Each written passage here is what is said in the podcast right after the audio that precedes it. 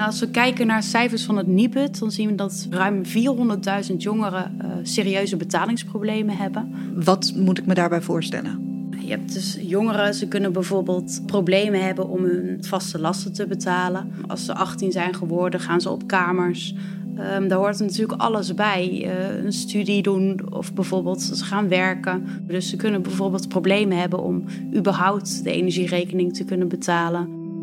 In Nederland kampen dus 400.000 jongeren met schulden waar ze maar nauwelijks vanaf kunnen komen. Dat is zo'n beetje de omvang van de hele stad Utrecht. En wanneer je zo jong al voor zulke financiële problemen staat, dan kan dit serieuze gevolgen hebben, legt onderzoeker Marjolein Odekerke uit. Ja, eigenlijk zijn die schulden dus een vermenging met die andere problemen. Als je schulden hebt, ehm, kan je bijvoorbeeld zoveel stress ervaren, waardoor je misschien naar verleidingen op zoek gaat om je wereld te ontvluchten, waardoor je naar de alcohol gaat. Maar je kan ook als je bijvoorbeeld veel alcohol gebruikt of als je verslaafd bent aan drugs, schulden maken. Dus het, maakt niet uit of het een tot het ander leidt, maar je ziet ze hangen met elkaar samen. Hmm, dit klinkt als een tikkende tijdbom. En eentje die alleen maar harder begint te tikken, want het aantal jongeren met schulden neemt toe. Waar komt dat door? En vooral, hoe voorkomen we dat zoveel mensen aan hun volwassen leven beginnen met zo'n achterstand?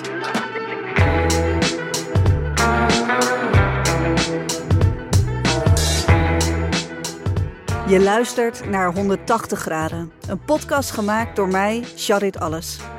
Ik ben schrijver, radiomaker en journalist. En als ik de krant opensla en om me heen kijk, dan heb ik steeds vaker het gevoel dat we in een tijd leven van grote veranderingen. Of het nu gaat om ons mentale welzijn, het klimaat of de opkomst van technologie. Het lijkt wel of echt alles in beweging is. En dat roept veel vragen op. In deze serie ga ik in opdracht van Achmea op zoek naar antwoorden. Of beter gezegd, ik ga op zoek naar een nieuw perspectief. 180 graden is een XTR branded podcast in opdracht van Achmea.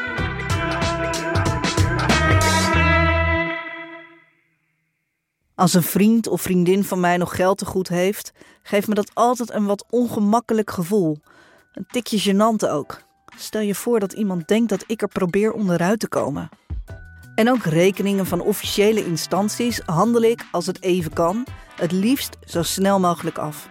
Ja, zo hoef ik er verder geen aandacht meer aan te besteden. Maar het kan dus ook compleet anders.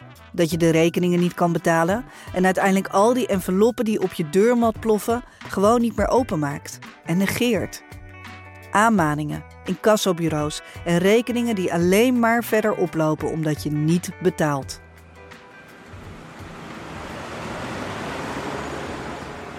Ik ben naar Rotterdam afgereisd voor een ontmoeting op mijn oude werkplek. Mijn naam is Jason Jahoen. Ik ben 36 eh, jaar, eindredacteur radio en eindredactie uh, projecten bij uh, eh, NPO Phonics. In een niet heel ver verleden was ik programmadirecteur bij Phonics, een radiostation dat zich richt op jongeren in de Randstad. En daar leerde ik Jason kennen. En Jason zat in de schulden. Diep. Diep. diep in de schulden. Je zat er toen al heel diep in. Ja. Maar hoe ben je daarin gekomen?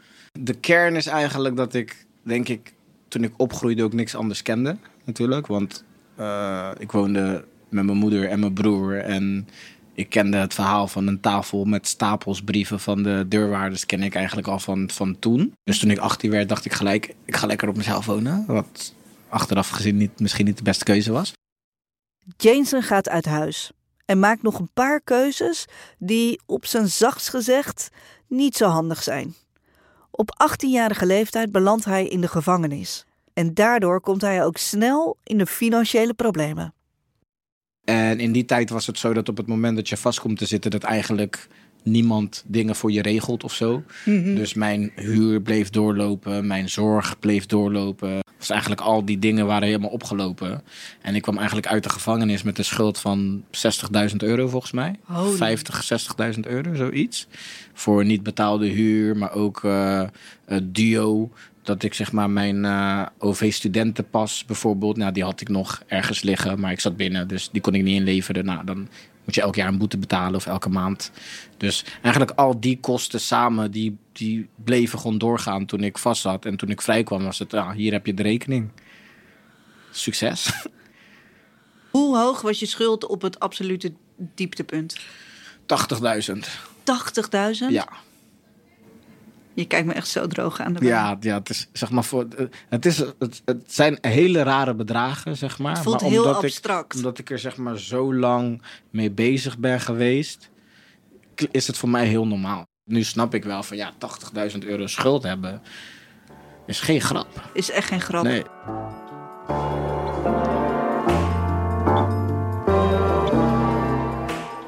De omstandigheden waardoor Jason in de problemen is gekomen klinken misschien uitzonderlijk. Maar ja, kun je dat niet over iedereen zeggen die serieuze schulden heeft? Geen enkel verhaal is hetzelfde. Alleen de uitkomst wel. Torenhoge schulden waar je bijna niet meer vanaf komt. En dat geldt helaas ook voor Jason. Hij betert zijn leven. Met veel doorzettingsvermogen en wilskracht weet hij een baan te krijgen als radioverslaggever bij Phonics. Maar daarmee is hij nog niet van zijn schulden verlost. Sterker nog, de schuldeisers voeren de druk alleen maar verder op. En omdat het allemaal verschillende organisaties zijn, hebben ze ook niks met elkaar te maken. Dus op een gegeven moment gaan gewoon 13 deurwaarders zeggen: wij willen nu ons geld. En sorry, maar ik kan niet 13 regelingen tegelijk maken of 13 keer hetzelfde betalen. Je krijgt eerst een brief van: hey, wij hebben nog een eh, openstaande bedrag eh, van jou. Wil je deze alsjeblieft betalen binnen drie, vijf of zeven dagen? En dan kom je eigenlijk in een traject van continu herinneringsbrieven, verhoging, herinneringsbrief, Aanmaningen. verhoging, aanmaning, verhoging. En alles, elke brief die je dan van hun krijgt, die gaat over jouw schuld, kost jou gewoon 100 euro weer. Als je veel schuldeisers hebt, maar niet het geld om je schulden af te lossen, dan volgt er loonbeslag. Al je inkomsten gaan dan automatisch naar je schuldeisers en jij krijgt alleen nog maar een minimaal bedrag voor je vaste lasten. Dit gebeurt ook bij Jason. Hij heeft dan nu wel een baan met een redelijk goed salaris, maar houdt maandelijks een bedrag over dat onder bijstandsniveau ligt.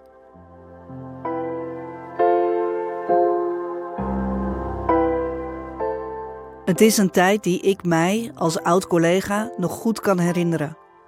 Ik zie hoe gestrest hij is. Hij is fysiek dan wel op de redactie, maar mentaal niet. Ondertussen weet alleen een klein groepje mensen om hem heen van zijn situatie. En dat levert vaak ongemakkelijke momenten op. Het, het zit hem soms in die kleine dingen, weet je wel? Ehm, je bent met een groep vrienden en ze zeggen: Kom, we gaan even naar de Mackie. Maar je hebt Ja. geen geld. Ga je dan zeggen elke keer? Kijk, de één keer kan je zeggen: Ik heb geen doekoe, man, ik ga skippen of zo. Ja. Of dat iemand zegt: Oh, ik betaal wel voor jou. Snap Ja. je? Maar bij de vierde, vijfde keer vind je het ook kut dat die persoon de hele tijd voor jou moet betalen. Of dat jouw vrienden dan maar niet naar de Mackie gaan omdat jij het niet kan betalen. Weet je wel? Zeg maar, mensen onderschatten, denk ik, heel erg die druk. De sociale gevolgen ervan. Ja, De sociale druk die komt kijken bij schulden is misschien wel het lastigste aan geen geld hebben. Marjolein Odekerke kan dat alleen maar beamen. Je hoorde haar al eerder deze aflevering.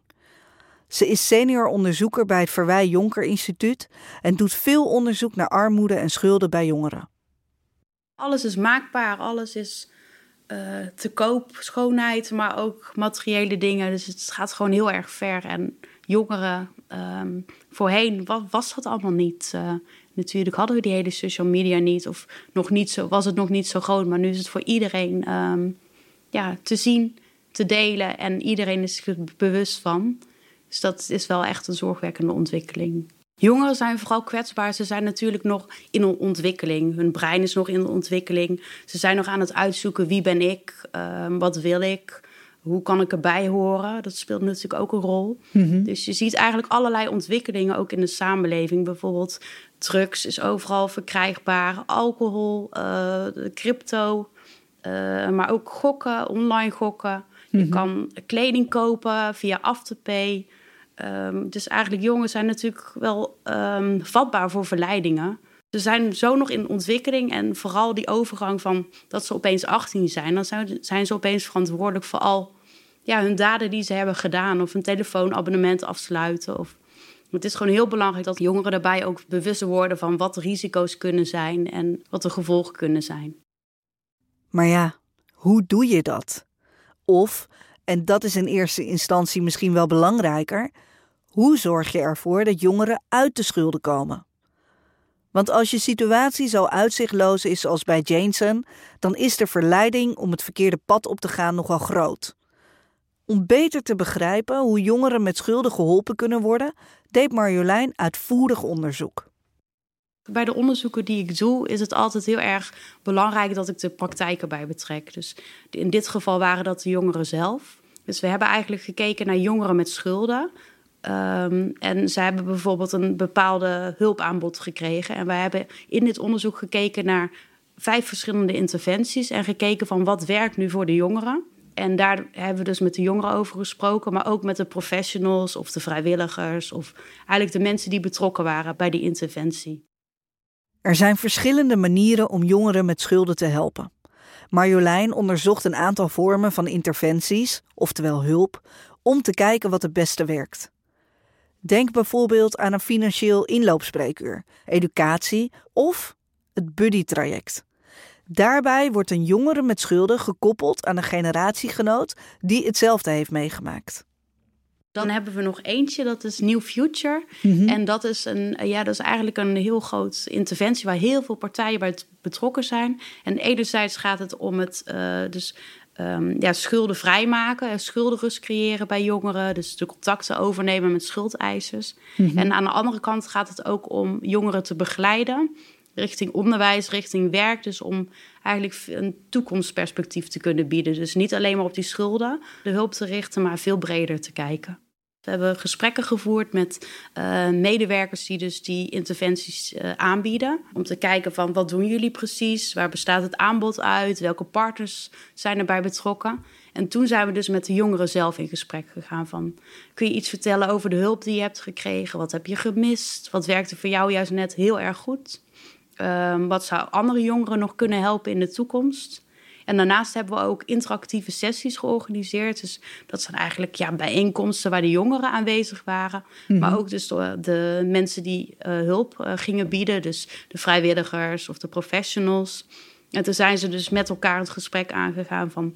wat vond je dat het toen goed ging? Wat kon beter? Belangrijk was het om op te halen wat er bij, bij de jongeren leefde. En daaruit bleek eigenlijk dat het heel belangrijk is, dus dat die interventie, wat er dan ook wordt aangeboden, maar dat die heel specifiek is afgestemd op hun eigen leefwereld. Dus dat ze weten van wat speelt er nou in het leven van de jongeren, uh, welke live events uh, kunnen er gebeuren. Bijvoorbeeld of een scheiding, of ze gaan studeren, er hoort studiefinanciering bij, of de zorgverzekering. Vanaf 18 jaar moeten ze dat opeens zelf regelen. Dus dat, dat de hulp daar ook heel erg bewust van is. Dat jongeren dat opeens zelf moeten doen. En eigenlijk, ze krijgen nergens aangeboden of uh, te horen hoe ze het moeten doen. Je hoopt dat ze natuurlijk vanuit hun ouders of vanuit hun opvoeding ook meekrijgen, maar dat is niet bij elke groep zo.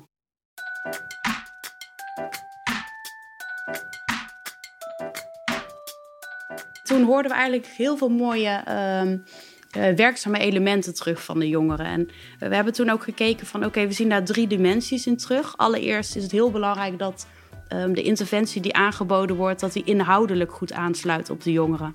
Dus inderdaad die live events, maar ook dat er niet alleen maar financiële hulp wordt geboden. Want de jongeren die dus schulden hebben of te maken krijgen met schulden, daarbij zie je dat er veel andere problemen spelen. En um, het is dus heel belangrijk dat die interventie zich breder kijkt dan alleen maar hoe kunnen we die, uh, die schulden oplossen, maar ook aandacht hebben voor werk of voor onderwijs of überhaupt wat de jongeren wil doen in de toekomst.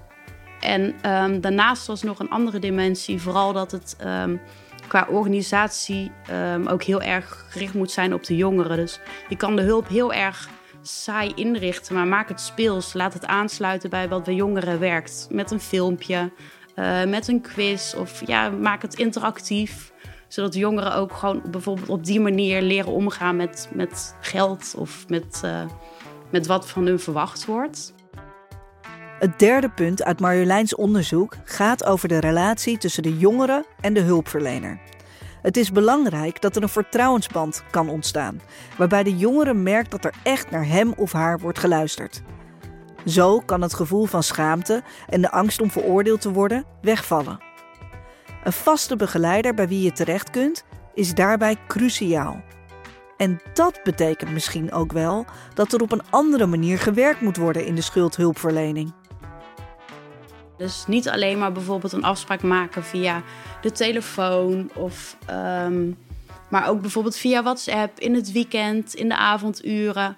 Gewoon via een appje van kom je morgen naar kantoor als het 11 uur s avonds is. Ja, dan kan je jongeren snel over die drempel heen krijgen. In plaats van dat een jongere maandag om 9 uur een nummer gaat bellen. Het helpt natuurlijk enorm als een begeleider jong is en niet al te ver afstaat van de leefwereld van jongeren. Dan krijgen ze ook van, oh jij weet hoe ik in het leven sta. En jij weet waarom ik bijvoorbeeld die keuze heb gemaakt om uh, dat abonnement aan te schaffen. Of omdat ik met die ene meneer in zee ben gegaan om snel geld te verdienen. Want dus uh, ja, het is gewoon heel erg belangrijk dat er vertrouwen is. Dat er ook uh, medeleven is, inlevingsvermogen is. En dat werkt gewoon heel prettig. Bijvoorbeeld door een peer educator of een buddy. Mm -hmm. Of gewoon een, ja, een ervaringsdeskundige jongere zelf. Ja. Waar je raakvlak mee hebt.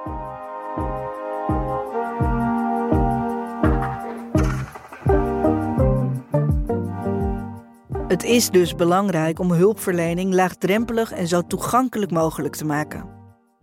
Het zijn inzichten die in Utrecht al in de praktijk worden toegepast. Bij de geldzaak, om precies te zijn. Deze organisatie zit op een verrassende locatie, midden in het centrum, in een winkelstraat tussen de kledingwinkels en koffietentjes. Ik heb afgesproken met Evie Pasmans. En zodra ik binnenstap, wordt er al meteen afgerekend met het beeld dat ik heb van mensen die zich met financiën bezighouden. Geen pakken, stropdassen of hoge hakken hier. Nee, Evie is jong, heeft een neuspiercing en zit naast me in haar hoodie. We zijn een stichting, uh, het onderdeel van Stichting U Centraal uit Utrecht.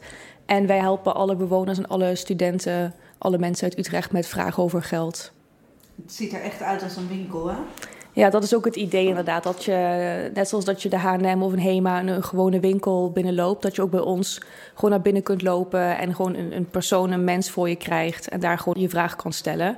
Dat je ook niet allerlei gegevens hoeft achter te laten... of allerlei moeilijke vragen hoeft te beantwoorden. Gewoon alleen hup, je vragen over misschien over zorgtoeslag... of over studiefinanciering of nou, over een keer belastingaangifte doen... en dan helpen we je daarmee... Um, en dan ga je gewoon weer weg en dan uh, kan je weer verder.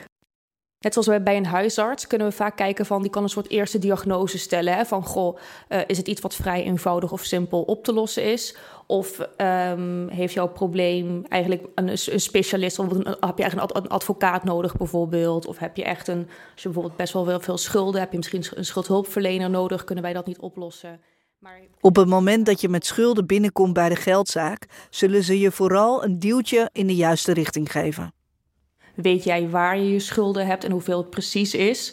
De eerste stap is dan overzicht te krijgen in jouw schulden. Dus um, echt naast elkaar te zetten, zit dat eventueel bij een deurwaarder of zit je nog bij de originele schuldeiser, noem ik, dat dan. En ik zou gaan kijken van, goh, heb jij misschien je belastingaangifte gedaan het afgelopen jaar? Misschien kan je nog wat terugkrijgen of heb je wel zorgtoeslag aangevraagd? Dus die checks uh, zal ik allemaal doen. Um, maar ik ga ook kijken van, goh, Um, hè, vaak als je bijvoorbeeld een paar duizend, meerdere duizend euro schuld hebt, dan is het ook best wel moeilijk om dat uh, zelf op te lossen um, binnen een paar jaar. En de, in ieder geval de gemeente Utrecht heeft ook een regeling dat je soms binnen anderhalf jaar van je schulden af kan komen als je daar een schuldentraject aangaat.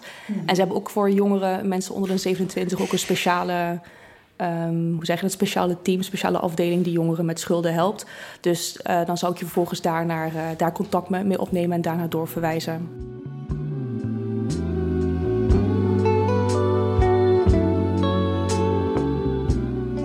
Laagdrempelig contact dus, een vertrouwensband opbouwen en in de taal van de jongeren spreken.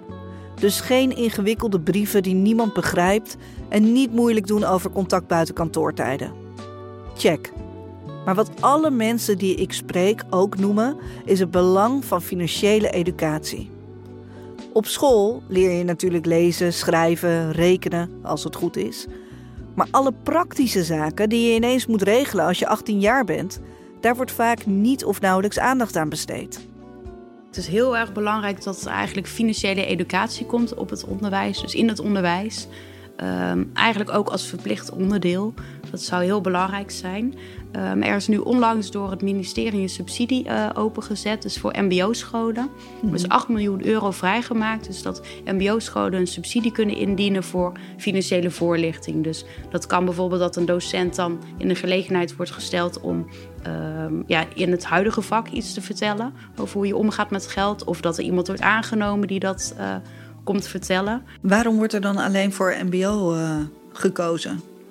Omdat er uit onderzoek is uh, gebleken dat er studenten op MBO-scholen ook dat daar veel financiële betalingsproblemen zijn. Dus um, ja, het is eigenlijk een eerste um, aanzet van het ministerie om hierin te investeren. Ik kan me ook best wel voorstellen dat als je op de middelbare school zit, of je nou VMBO, HAVO of VWO doet, dat het, nou ja, je krijgt ook een vak als economie. Dus ja. waarom zit daar dan eigenlijk niet een onderdeel in wat gaat over hoe ga je met je eigen geld om, in plaats van alleen maar hoe zit het economisch? Ja, ja. ja. Of ik hoorde laatst ook een voorbeeld, bijvoorbeeld op de basisschool ga je rekenen. Dan zou je bijvoorbeeld ook al met zakgeld of met euro's iets kunnen doen. En dat, ja, dat eigenlijk de jongste kinderen ook al bewust worden van... oh, dit is geld en dit heb je wel en dat heb je niet.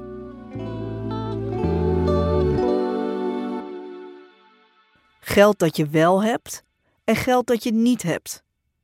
Uiteindelijk is dat natuurlijk de essentie. Geef je geld uit dat je eigenlijk niet hebt, of ben je verstandig? Laten we nog even teruggaan naar Jameson. Om zijn schulden af te lossen wordt er beslag op zijn loon gelegd. Hij doet er alles aan om zijn leven de goede kant op te sturen en de fouten uit zijn verleden achter zich te laten. Maar dat valt niet mee. In die periode besluit hij om mee te werken aan een documentaire. Hierin vertelt hij openlijk over zijn situatie en over de schulden waar hij maar niet vanaf komt. Dat is eigenlijk mijn geluk geweest. Want toen die documentaire op tv kwam, uh, toen was er wel echt een, een wijd verspreide, uh, hoe zeg je dat? Gevoel van, van dit, dit kan niet, dit mag zo niet. En toen hebben eigenlijk mensen die ik helemaal niet ken, die hebben een crowdfunding uh, gestart voor mij. Omdat ze zoiets hadden van ja, dit is echt oneerlijk. En met die crowdfunding hebben ze 20, 25.000 euro volgens mij uh, opgehaald. En ik heb eigenlijk dat geld gebruikt om gelijk die schulden uh, af te betalen. En hij doet er alles aan om zijn financiële situatie op orde te houden.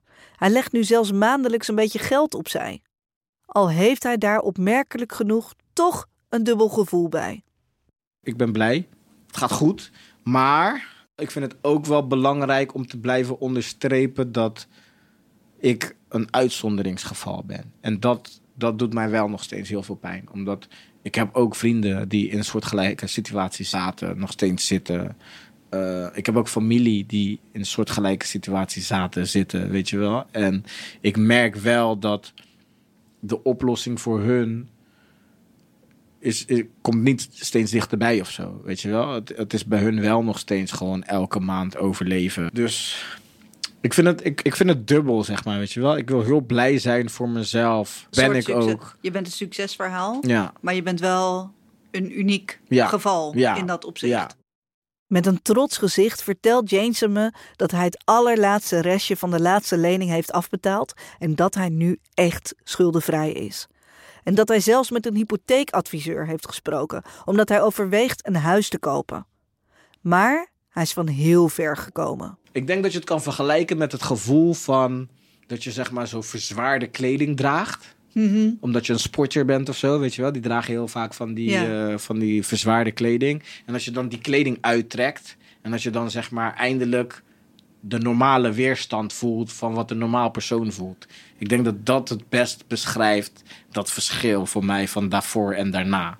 Ja. Zo voelde dat echt, denk ik, voor mij op dat moment. Ja. En nu heb je nooit meer verzwaarde kleding aan? Nee, nee, precies. Ja, ja, lekker.